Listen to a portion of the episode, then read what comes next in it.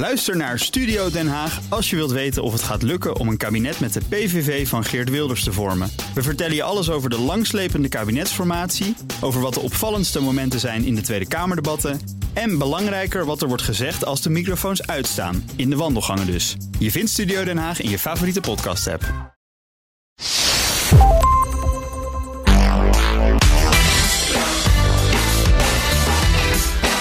Welkom bij de Ben Tichelaar podcast. Vandaag is het weer tijd voor een aflevering van Ben's Boekenclub. We bespreken een internationale bestseller en we halen er lessen uit waar jij iets aan hebt. Deze keer gaat het over het boek Ons Feilbare Denken, of in het Engels Thinking Fast and Slow, van psycholoog en Nobelprijswinnaar Daniel Kahneman. Een waanzinnig interessant boek met heel veel mooie inzichten. We gaan een paar mooie dingen met je delen in 23 minuten. In dit boek legt Kahneman uit dat we de meeste dingen die we denken, zeggen en doen, dat we daarbij worden aangedreven door onbewuste automatische processen, waar we eigenlijk helemaal geen controle over hebben. Hij noemt dat systeem 1, ons snelle denken. Alleen wanneer systeem 1 er niet uitkomt, dan schakelen we over op langzaam denken, systeem 2. Dat is de vorm van denken die we kunnen waarnemen in ons hoofd en waarbij we ons denken, spreken en handelen bewust kunnen sturen. Laten we even luisteren naar wat Kahneman hier zelf over te zeggen heeft. I think most of us uh, feel that we have reasons for what we're doing, but in fact, uh, we do what we're doing very largely because of reasons that we're not necessarily completely aware of. And then when we're asked, why do you do this? We have reasons. But the reasons are not necessarily the causes of our action. We denken dus vaak dat we begrijpen waarom we iets doen, zegt Kahneman. Maar in werkelijkheid wordt ons gedrag grotendeels aangedreven door onbewuste processen. En soms verzinnen we daar dan later een reden bij. Ik bespreek vandaag dat boek van Kahneman met twee panelleden. Janieke Hertogs, auteur, spreker, trainer in impact. Hoe bereik je de ander in zijn onbewuste brein? Welkom Janieke. Dankjewel. En tegenover haar zit Thijs Peters, hoofdredacteur van Good Habits Online Trainingen. Welkom Thijs. Dankjewel, hoi Ben. Voor we beginnen, eerst nog even dit. Hybride werken. Dat je dus deels thuis aan de slag gaat en deels naar kantoor komt. Veel bedrijven zijn er nu mee bezig en dat geldt ook voor bol.com en KPN. Ben je benieuwd naar hun ambitie en plannen van aanpak? Luister dan naar de nieuwste aflevering van Digital Heroes. Je vindt de podcast in de BNR-app en op alle bekende podcastkanalen. Uh, om even met jou te beginnen. Wat is volgens jou nou echt een superbelangrijke les die iedereen zou moeten leren uit dit boek van Kahneman? Ja, de belangrijkste les die ik uit het boek van Kahneman haal is eigenlijk dat wij um, in hoge mate onbewust en irrationeel zijn. Dat is eigenlijk best wel een beetje gek, want we doen de hele dag door alsof we allemaal rationeel en logisch en bewust zijn. Maar dat is helemaal niet zo. En als je naar simpele voorbeelden kijkt, als uh, nou, overmatig alcoholgebruik of uh, het opsteken van een sigaret, dan zou je denken: Oké, nou prima. Iemand is, uh, is een rationeel wezen. Ja, die, ja, dan, die kiest daarvoor. Die kiest daarvoor. Ja. En nou, dan vertel je even één keertje dat hij dat niet moet doen en dan stopt hij ermee. Maar dat is natuurlijk niet zo. Dus we zijn in hoge mate onbewust. En op het moment dat je iemand een slechte gewoonte wil afleren, ja, dan zou je hem dus eigenlijk moeten bereiken uh, in zijn onbewuste, irrationele. Ja, dus moet je meer op systeem 1, om maar even die metafoor Klopt. van Kahneman te blijven, meer op systeem 1 moeten spelen dan op systeem 2. Klopt. Ja. En dat is eigenlijk de structurele fout die we maken. In onze dagelijkse communicatie blijven we drukken op systeem 2, blijven we de ander benaderen op in systeem 2. En uh, dat heeft eigenlijk bar weinig effect. Ja, nou daar gaan we zo meteen nog verder op door. Ook even met jou. Jij geeft er ook training in. Dus het is heel erg leuk om te horen hoe je dat praktisch kunt toepassen. Ik kijk even naar je overbuurman, naar Thijs. Zeg Thijs, wat heb je nou in dat boek van Kahneman gelezen waarvan je zegt, nou dat ga ik de komende dagen aan iedereen lopen vertellen? Het boek staat echt vol met van die kleine dingetjes die je te pas en te onpas uh, te berden brengt. Het waren nou, vlak voor deze uitzending, wanneer je ook luistert, maar waren de verkiezingen in Duitsland. Ja. En er staat ook iets leuks bij, wat ik me nooit. Wij denken natuurlijk dat wij een rationeel besluit nemen als we ergens op kiezen. Maar hij, er stond een onderzoek in het boek dat als je een stembureau in een kerk zet, zijn mensen meer geneigd om op een christelijke partij te stemmen. Oké, okay, ja. Gewoon vanwege de sfeer, systeem 1 neemt dat op. Die sfeer, serene sfeer van die kerk. Denk, laat, ik, laat, ik, laat, ik, vandaag eens SGP stemmen, denk ja, ik dan zomaar. Precies. Ja, ja. En aan de andere kant, uh, doe je het in een school, dan kies je misschien voor een partij die voor onderwijs is. Ja. En uh, dat vind ik wel een mooi voorbeeld van hoe zoiets als omgeving ons helemaal onbewust, zonder dat we het doorhebben, ja, toch on, on, onze, onze, manier, onze beslissingen beïnvloedt. Ja, en dat ook mensen dan nog vaak stemmen op iemand van wie ze vinden dat hij er het meest als een leider uitziet. Gewoon dat soort hele eenvoudige input, zeg maar. En, en daar laten we ons al helemaal door leiden, zonder dat we het doorhebben. Ja, we praten het achteraf goed eigenlijk, wat Kahneman zei. We gaan achteraf gaan we de reden erbij verzinnen. Uh, in de jaren 70 werkten psychologen en economen nog heel vaak vanuit dat rationele mensbeeld. We zeiden net al eventjes, hè, dus dat wat we tegenwoordig ook nog wel uh, als leken vaak doen. Maar goed, in de psychologie, de economie is dat beeld wel een klein beetje verlaten. En dat is dus toch vooral te danken aan Daniel Kahneman en zijn vriend en collega Amos Tversky. Die hebben echt stap voor stap met allerlei grappige experimenten, slimme experimenten laten zien dat we helemaal niet zulke betrouwbare beslissers zijn. Systeem 1 en systeem 2 spelen een soort hoofdrol in dat boek. Hè. Dat, zijn, dat is een metafoor. Het zijn niet echt hersenonderdelen of zoiets. Maar het is een soort metafoor voor verschillende processen. Janieke, hoe leg jij dat uit? Als je aan mensen in je lezingen en training moet uitleggen wat het verschil is tussen die twee soorten processen. Ik uh, refereer vaak aan het, uh, het moeiteloze systeem 1, waarin je eigenlijk automatisch heel snel kunt handelen. Dus uh, eigenlijk alles wat vanzelf gaat, wat automatisch gaat, dat is eigenlijk systeem 1. Dus ons onbewuste brein. Ja, vinger, ik zeg altijd veterstrikken bijvoorbeeld. Veterstrikken, ja, precies, precies. Typisch iets, hè, dat doe je dan met systeem 1. Op de autopilot en je tanden poetsen ook. En terwijl we hier zitten met elkaar of staan sommigen, uh, groeit er een prachtig laagje teennagel in onze schoen. Heerlijke gedachte natuurlijk om daar even over na te denken. dat gaat gaat natuurlijk, dus, alle fysieke processen gaan vanzelf. Maar inderdaad ook alles wat je geautomatiseerd hebt, wat je één keer bewust geleerd hebt, dat wordt als, uh, als je het maar vaak genoeg herhaalt, wordt het een onbewuste handeling en landt het eigenlijk in systeem 1. Dus het is je autopilot. En sommige mensen denken dus, of veel mensen, dat dacht ik vroeger ook, je bent grotendeels ben je, je bewust van alles en af en toe doe je dingen onbewust, Aha. maar het is dus Precies, Precies andersom. andersom. Ja. Dan ga ik even weer naar jou, Thijs. Want wat zijn nou dingen in jouw werk? Dus je werkt met redacteuren, jullie maken opleidingsprogramma's. Je geeft ook leiding aan mensen. Wat zijn nou dingen waarvan je zegt, nou dat is nou typisch automatisch pilootwerk ook bij ons? Of in jouw werk misschien wel? Bij dit boek ben ik bij bewust geworden dat we inderdaad veel meer automatisch pilootwerk doen dan we, dan we denken. Zelfs vaak het, het, het, het schrijven of als een regisseur. Regisseur doet denk ik ook bijna de helft op, op, op intuïtie en ja. niet bewust.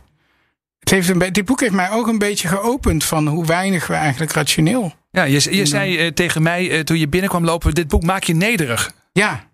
Nou ja, het, het, het, maar, het, maar het deed mij beseffen dat heel veel dingen waarvan ik dacht dat ik er controle op had.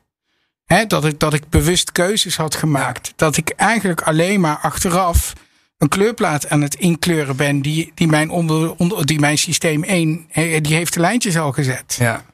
En dat, dat maakt wel een beetje nederig. Want je denkt dus dat je op heel veel dingen invloed hebt. Maar dat, dat valt eigenlijk heel, heel vies tegen. Ja, en waar wordt het dan doorgestuurd? Hè? Dat is natuurlijk de vraag. Kijk weer naar Janieke. Wat zegt Kahneman erover? Waar komt het dan vandaan? Als het niet uit je eigen keuze of je rationele uh, processen voortkomt? Ja, systeem 2 is een heel intuïtief en snel systeem. En dat wordt eigenlijk gebaseerd op alle ervaringen die je in je leven hebt opgedaan. En eigenlijk de onbewuste, snelle, razendsnelle, uh, korte routes, de shortcuts in het brein die het herkent van eerdere situaties. En uh, ja, met een snelheid van ongeveer 250.000 keer uh, zo snel als het tweede systeem maakt het alvast de beslissing voor je op basis van uh, kleuring en, en ervaring. Ja, ja, dus er komen prikkels binnen. Dus je ziet dingen om je heen, je hoort dingen om je heen. En dan eigenlijk wordt er meteen eigenlijk afgewogen van, zoals Kahneman het ook beschrijft, van is dit normaal of is het afwijkend? Hij zegt ook systeem 1 heeft ook als doel om een beeld op te bouwen van wat normaal is, het normale leven. En dat is ook heel belangrijk om veilig door de dag heen te komen. Klopt. Ja. En dat sleept ons ook door die dag heen. Eigenlijk redelijk moeiteloos. Want stel je voor dat je dat allemaal met systeem 2 moet doen. Nou, je zou om negen uur s ochtends uitgeput in je bed weer liggen. Is, dat is niet te doen. Je luistert naar de Ben Tichelaar podcast. Vandaag een aflevering van Ben's Boekenclub. Ik praat met Janieke Hertogs en Thijs Peters over Thinking Fast and Slow. Oftewel ons feilbare denken van Daniel Kahneman. Nou, een belangrijk deel van dit boek gaat over wat hij dan noemt heuristieken en biases. Voor bias is echt niet echt een heel goed Nederlands woord. Ik zag dat ook in de Nederlandse vertaling was het gewoon als bias vertaald. Ik denk, nou lekker makkelijk, maar goed, dat is dan het woord. En wat is dat nou weer, denk je misschien als luisteraar? Nou, een heuristiek, zegt Kahneman, dat is een snelle, intuïtieve manier van denken. Bijvoorbeeld, je bent in gesprek met iemand, die persoon die glimlacht, die stelt vragen, die luistert naar je. En dan denk je automatisch, aardige gast. Dat is een heuristiek. Dus op basis van een paar signalen denk je iets. En dat hoort dus echt bij het systeem 1, waar we nu al een tijdje over hebben met elkaar. Heel vaak zijn die heuristieken nuttig, maar ze kunnen je ook behoorlijk misleiden. En als een heuristiek nou vaak fout zit, dan spreken we van een bias. Dus dat is een, zou je kunnen zeggen, een soort systematische fout in ons snelle, intuïtieve denken. Een denkfout die een, die een vertekend beeld van de werkelijkheid oplevert. Uh, Thijs, um, als het gaat over die denkfouten, een deel, belangrijk deel van het boek van Kahneman gaat over denkfouten. Wat is nou een van jouw favorieten? Wat is nou een voorbeeld van je zegt, dat was een mooi voorbeeld? Ik vond een heel mooi voorbeeld. Dat stamde uit zijn tijd. Uh, in, hij, hij woonde in Israël. En hij was volgens mij nog niet zo oud. En toen werd hij door het leger ingeschakeld. En hij moest les geven aan soldaten om te vertellen dat complimenten geven beter werkt dan mensen afblaffen of straffen. Oh ja, dat was dat, was dat verhaal die pilotenopleiding is dat, ja, was, uh, voor soldaten waren het in ieder geval. Uh, het kan ook piloot. Dat weet ik niet. Maar wat het mooiste was, hij zei van nou geef je mensen, geef je soldaten meer complimenten. En die officieren zeiden nee. Dat kun je wel zeggen op de, met je universitaire opleiding, maar dat klopt niet. Er moet, een soldaat moet de stormbaan uh, af en hij gaat te langzaam en ik blaf hem af en ik uh, bestraf hem, dan is hij de volgende keer sneller. Maar geef ik hem complimenten, dan is hij meestal de volgende keer langzamer. Ja, ja. En dat is waarschijnlijk dus ook. De, in de praktijk is dat ook zo. Dus die, die officieren dachten, ja, het klopt gewoon niet. Ja, die hadden zelf die link gelegd. Die zeggen, nou, zie je wel, het ligt aan mij. Door mijn afblaffen, of in ieder geval Ja, zeker geen complimenten geven, dat, dat werkt. Ja. En waarschijnlijk klopt het ook wel. Uh, alleen het is, een, uh, ja, het is een statistisch fenomeen.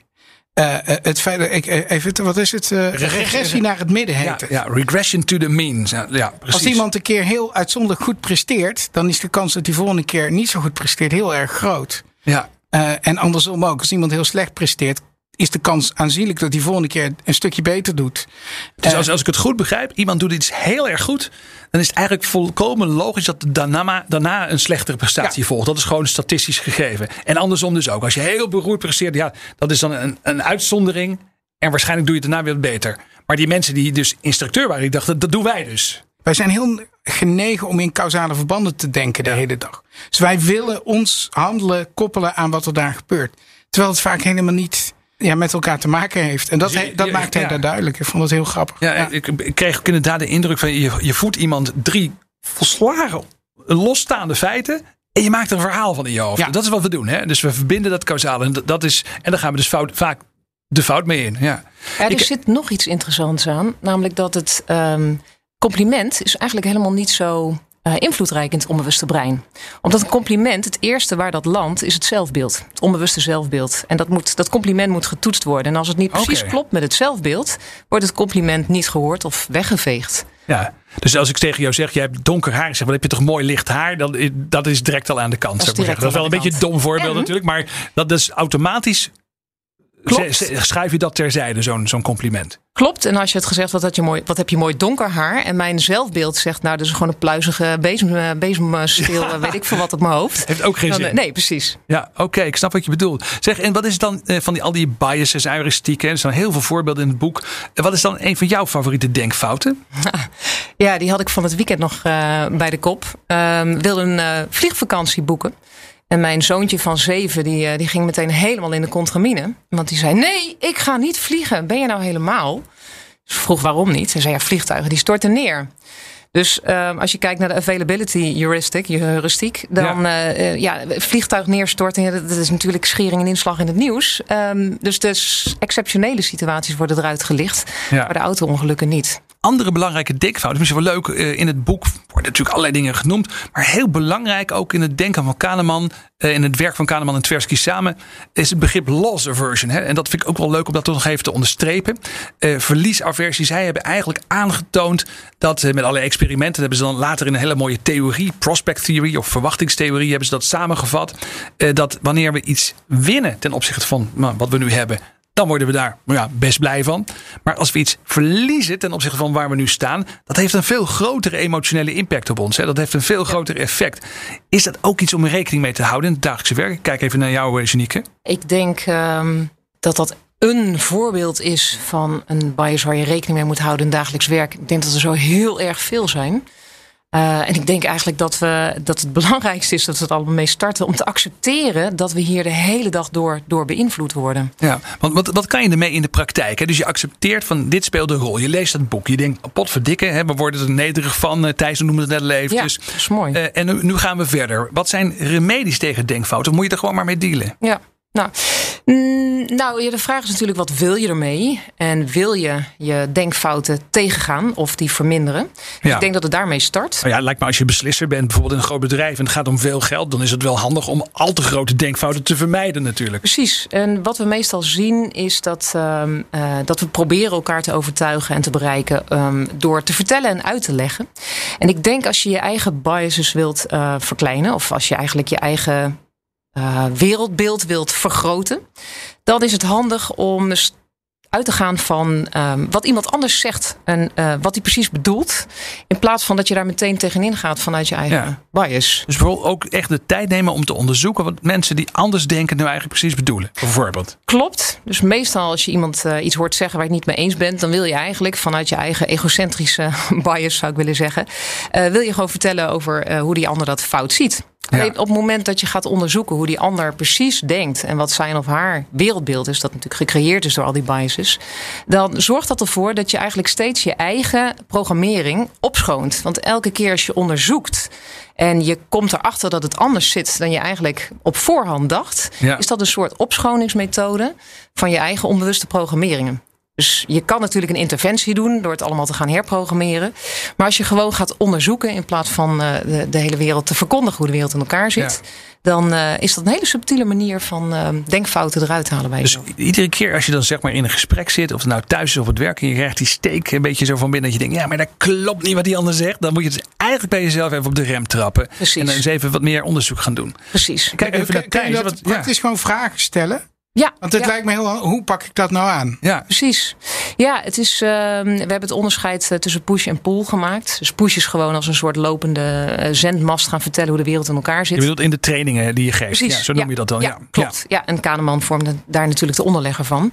Eh, dus als je mensen wil bereiken in een onbewuste brein, dus in systeem 1, dan gaat het erom dat je niet vertelt hoe de wereld in elkaar zit. Maar dan gaat het erom dat je onderzoekt, inderdaad, door middel van vragen, ehm, hoe de, de denkwereld van die ander eruit ziet. En het is heel maf, want een vraag heeft ook een hele sterke regiefunctie.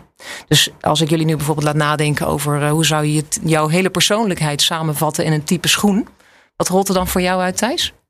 Dat, daar moet ik, daar moet ik, heb ik systeem 2 voor nodig, denk ik. Daar heb ik al even tijd voor nodig. Precies. Denk ik. Maar eh, het is interessant om te zien dat op het moment dat je vragen gaat stellen, ehm, en dat is natuurlijk eigenlijk een symbool voor pool, ehm, dat je de regie hebt over de gedachten van de ander. Dus jij bepaalt het kleine denkgebiedje in het brein van de ander, waar die zelf over mag gaan denken en praten. En wat er dan gebeurt, is dat het onbewuste eh, ego, het onbewuste brein voelt: oh, ik word uitgenodigd, ik word gezien, ik word erkend. En de sympathie naar jou neemt toe. Ja, dus het neemt, leidt tot meer sympathie, maar je leert dus ook meer van elkaar. Exact, Ja. want je hoort op een dieper niveau precies hoe iemand denkt en kijkt. Jij geeft eh, trainingen, Janieke, waarbij je mensen ook allerlei ja, experimentjes laat uitvoeren. Kun je ze een voorbeeld geven? Wat is nou een experiment waardoor mensen even iets meer leren over zichzelf en over hoe ze denken? Nou, misschien is het leuk, hoe kan je herkennen of iemand zijn systeem 2 aan heeft staan, zijn bewuste systeem. Dus ehm, wat ik je ga vragen zometeen is om eh, een, een antwoord te geven op een vraag van mij. En wat je zal zien is dat je, als het goed is, drie dingen gaat vertonen. En ook al ga ik ze nu verklappen aan je, je zal zien dat het niet te stoppen is. Dus zodra dat bewuste systeem aangaat, ga je die dingen vertonen. Dus eh, we weten van het bewuste systeem 2 dat het precies één ding tegelijk kan. Dus ik zit nu tegenover jou, eh, Thijs. Op dit moment eh, zit je in eh, systeem 1, onbewuste toestand, want wij kunnen gewoon vrolijk, vriendelijk, empathisch, sociaal oogcontact maken. Alleen op het moment dat je zo meteen antwoord gaat geven op mijn vraag, is het eerste wat gebeurt, want ik ga natuurlijk beroep doen op systeem 2, is dat je ogen uit contact gaan. Simpelweg omdat je niet twee dingen tegelijk kan doen. Je kan niet en bewust processen en het fijne oogcontact maken wat we nu hebben. Dus dat is het eerste. En het tweede wat je gaat zien is dat het lichaam aan het werk gaat. Dus er worden allerlei stoffen aangemaakt omdat er gewoon een inspanning gevraagd wordt. En dat zie je terug in het lichaam. Dus als het goed is. staat nu heel ontspannen, maar dat gaat staat heel met zijn- Oh, handen ja, keurig netjes gevouwen. Precies. Ja, ja. Dus wat je zal merken is dat er misschien kleur op je wangen komt. Ja. Of dat je een beetje zweet in je handpalmen voelt. Maar dat het lichaam gaat bewegen. Dus vingers gaan meetellen. Of je gaat draaien. Of Ben, misschien kan je onder de tafel kijken. Of voeten bewegen. Oh ja, of dat zo. kan ik wel even stilstaan. Dus je ogen gaan uit contact. En tweede is dat het lichaam gaat bewegen. En het derde is dat je jezelf hardop gaat coachen. Dus er komen hè, de stem die we normaal gesproken inhiberen, ons interne coachstem, die houden we binnen. Vinden we een beetje gênant als mensen dat horen. En die vloept zo naar buiten, omdat je maar één ding tegelijk kan en niet eens meer die stem binnen kan houden. Dus ogen uit, gaan uit contact. En tweede, dus lichaam gaat, gaat bewegen. En je gaat jezelf hardop coachen. Heb je er al een beetje zin in? Ik denk dat het een hele moeilijke opgave wordt. Dit, eh. Ik ben heel benieuwd wat er gaat gebeuren. het ja. is echt heel simpel. Het is echt heel simpel. Ik vraag je eerst eventjes om systeem eh, 1 aan te zetten. Eh, wil je even de maanden van het jaar opnoemen? Januari, februari, maart, april, mei, juni, juli, augustus, september, oktober, november, december. Geslaagd, hartstikke goed. En ik doe nu een beroep op systeem 2. Wil je het even hetzelfde doen in alfabetische volgorde alsjeblieft? Augustus. En ik, ik voel mijn ogen om mijn oog gaan. Dat is wel grappig, inderdaad. Eh, ja. Prachtige, kostbare zendtijd, hè? Ja, ja, Februari. Het Eh, ja, er zitten nog wat maanden met een A voor. Dus ja, kijk, kijk. Eh, april, inderdaad. Ja, dus april, augustus, februari, en de, de feestmaand, begin nog eens één keer opnieuw. Hoe zit de feestmaand in het geheel? december, inderdaad, zit er Dus ook nog. beginnen ze helemaal opnieuw bij de A? Oké, daar gaan we. April, augustus, december, februari. Eh dan moeten En daar komt het hard op coachen. Ja, precies. Dan moeten we. Eh, juni, juli. En ik zal je verlossen. Want we Ja. hadden maar 23 minuten, Ja, geloof ik. precies, Ben. zonde, hè. Ik zie, ik zie u echt gewoon horloge te kijken. Ik Precies. raak, ik raak nu ook een beetje gestrest en begin te draaien. Ja. Ja, klopt. Dus Maar eh, dit is wel een heel mooi voorbeeld. Ik vond het extreem. Je voelt gewoon je ogen Ja. zelf. Ik, alsof je je oog. Of je het ik, echt ik, niet ging, onder ik ging controle hebt. ongeveer met je meedoen. Want je kunt het dus niet tegenhouden. Hè? Nee. Dat is echt bizar. Ja. En de reden dat ik vraag om, het, om opnieuw te beginnen, is dat uiteindelijk nam voor een stukje systeem 1 Systeem het, 1 over. het over. Dus door Ja. herhaling merk je dat systeem 1 op een gegeven moment kon zeggen april, augustus, december, februari. En toen moest je een nieuwe maand ophalen uit systeem 2. Tak, oog uit contact, zelfcoaching. Dus zo werkt het een beetje. Ja. Dit is ook waarom je je spreekbeurt. Ik zal het even tegen mijn dochter vertellen. Die moest voor Duits een spreekbeurt doen. Waarom je dat zo goed moet oefenen. Ja, dat moet gewoon in systeem 1 zitten. Want Nou, anders dat. wordt het een ellende. Exact. Ja. Thijs, ik ga nog even naar jou. Ehm, jij had ook, toen we elkaar even spraken over dit boek een tijdje geleden, had je ook wel wat eh, kritische noten. Je zegt, ja, dit wordt eigenlijk ook wel praktisch soms toegepast door allerlei marketingmensen die eigenlijk voortdurend ons systeem 1 zitten te bespelen. Hoe kijk je hier naar? Is, dit, is het ook gewoon een soort hogere manipulatiekunde waar we het hier over hebben? Ja, dat, dat vrees ik wel een beetje. Kijk, eh, tot, tot wat, hè, wat jij zei, tot in de jaren zeventig dachten we eigenlijk dat wij rationele wezens waren. En dat, alles, dat wij alles rationeel konden benaderen. Eh, Maar al die mensen die nu bij Google en bij Facebook werken, die hebben allemaal eh, psychologie colleges gevolgd aan Stanford. En daar is Kahneman ook, wordt veel gelezen. Bedoel, Ja, ja. en ja, die weten dus prima tot in de puntjes hoe ze dat systeem 1 moeten aansturen. Hoe ze ons, eh, onze, onze aandacht moeten trekken. Je hoe dat veel beter dan wij. ja. En, eh, en dat vind ik wel griezelig. Want zelfs, dus als, en, nou ja, zelfs als we ons ervan bewust zijn. ik bedoel, Ik weet ergens dat het zo is. Kun je er eigenlijk bijna geen weerstand aan bieden. We moeten weer alweer een beetje afronden. Ik, misschien wel heel leuk. Ik heb Kahneman eh, een tijdje geleden mogen interviewen bij een seminar.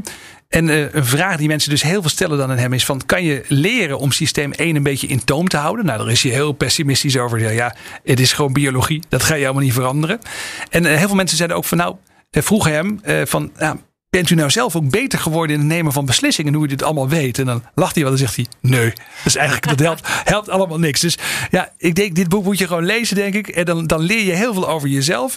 Maar eh, aan de andere kant, dat het nou heel veel dingen meteen oplevert. Dat je denkt: Oh, zo pak ik dat voortaan aan. Ik vond het heel moeilijk. Ik vraag nog even aan jullie hoor. Kijk, kijk jullie even aan. Janique, hoe kijk jij ernaar? Dat durf ik natuurlijk eigenlijk niet te zeggen, want dan zou het bijna promo worden. Maar we hebben een methode gevonden om dat onbewuste brein te, bedenken, eh, te bereiken. Dus eigenlijk tijdens Ja. wat je zei met vragen. Maar er zijn nog veel meer technieken die dat onbewuste brein Dus het bereiken. kan wel. Dus het maar, kan wel. maar jezelf minder onbewust maken, dat is nog niet zo makkelijk. Ik denk dat we dat niet moeten willen, want Nee. het sloopt ons gewoon. Ja. En Thijs, wat, is, eh, wat, is, wat zijn jouw laatste inzichten rond dit boek? Van je denkt, nou, dat wil ik toch wel even, even gezegd hebben. dat idee dat je mensen wil overtuigen. Ik heb een beetje van Janieke geleerd. Ik had het laatst ook met een gesprek met iemand in het bedrijf. Eh, en toen wilde ik met cijfers komen om mijn gelijk te bewijzen. Ja. En, en ik besefte me toen eigenlijk meteen... dat is precies wat je niet moet doen, want Nee. het helpt niet. Exact. Want diegene heeft al een beeld. Klopt. En als hij al iets met mijn cijfers doet... dan, dan snapt hij ze zo, of dan interpreteert hij ze zo... dat ze in zijn Ja. of haar puzzeltje Ja, Confirmation en wat heb je toen gedaan? Wat heb je toen gedaan? Eh, het, eh, toen wist ik het niet, nu weet ik het wel. En vragen stellen. Vragen stellen. Ja, zodat mensen hun eigen argumenten gaan verzinnen bij het verhaal wat jij misschien wel graag zou willen overbrengen. Ja, en- en volgens mij dat kun je dus wel met dit boek. Dat vind ik mooi. Je kunt, je kunt niet je systeem één uitzetten. Je kunt je natuurlijk wel trainen om vragen te stellen in plaats van je mening te geven. Dankjewel, panelleden, Janieke Hertogs, Thijs Peters. We bespraken het boek Ons Vuilbare Denken van psycholoog Daniel Kahneman. En alle andere afleveringen van de Boekenclub die vind je in de gewone feed. Dit was de Ben Tichelaar podcast. Dank voor het luisteren.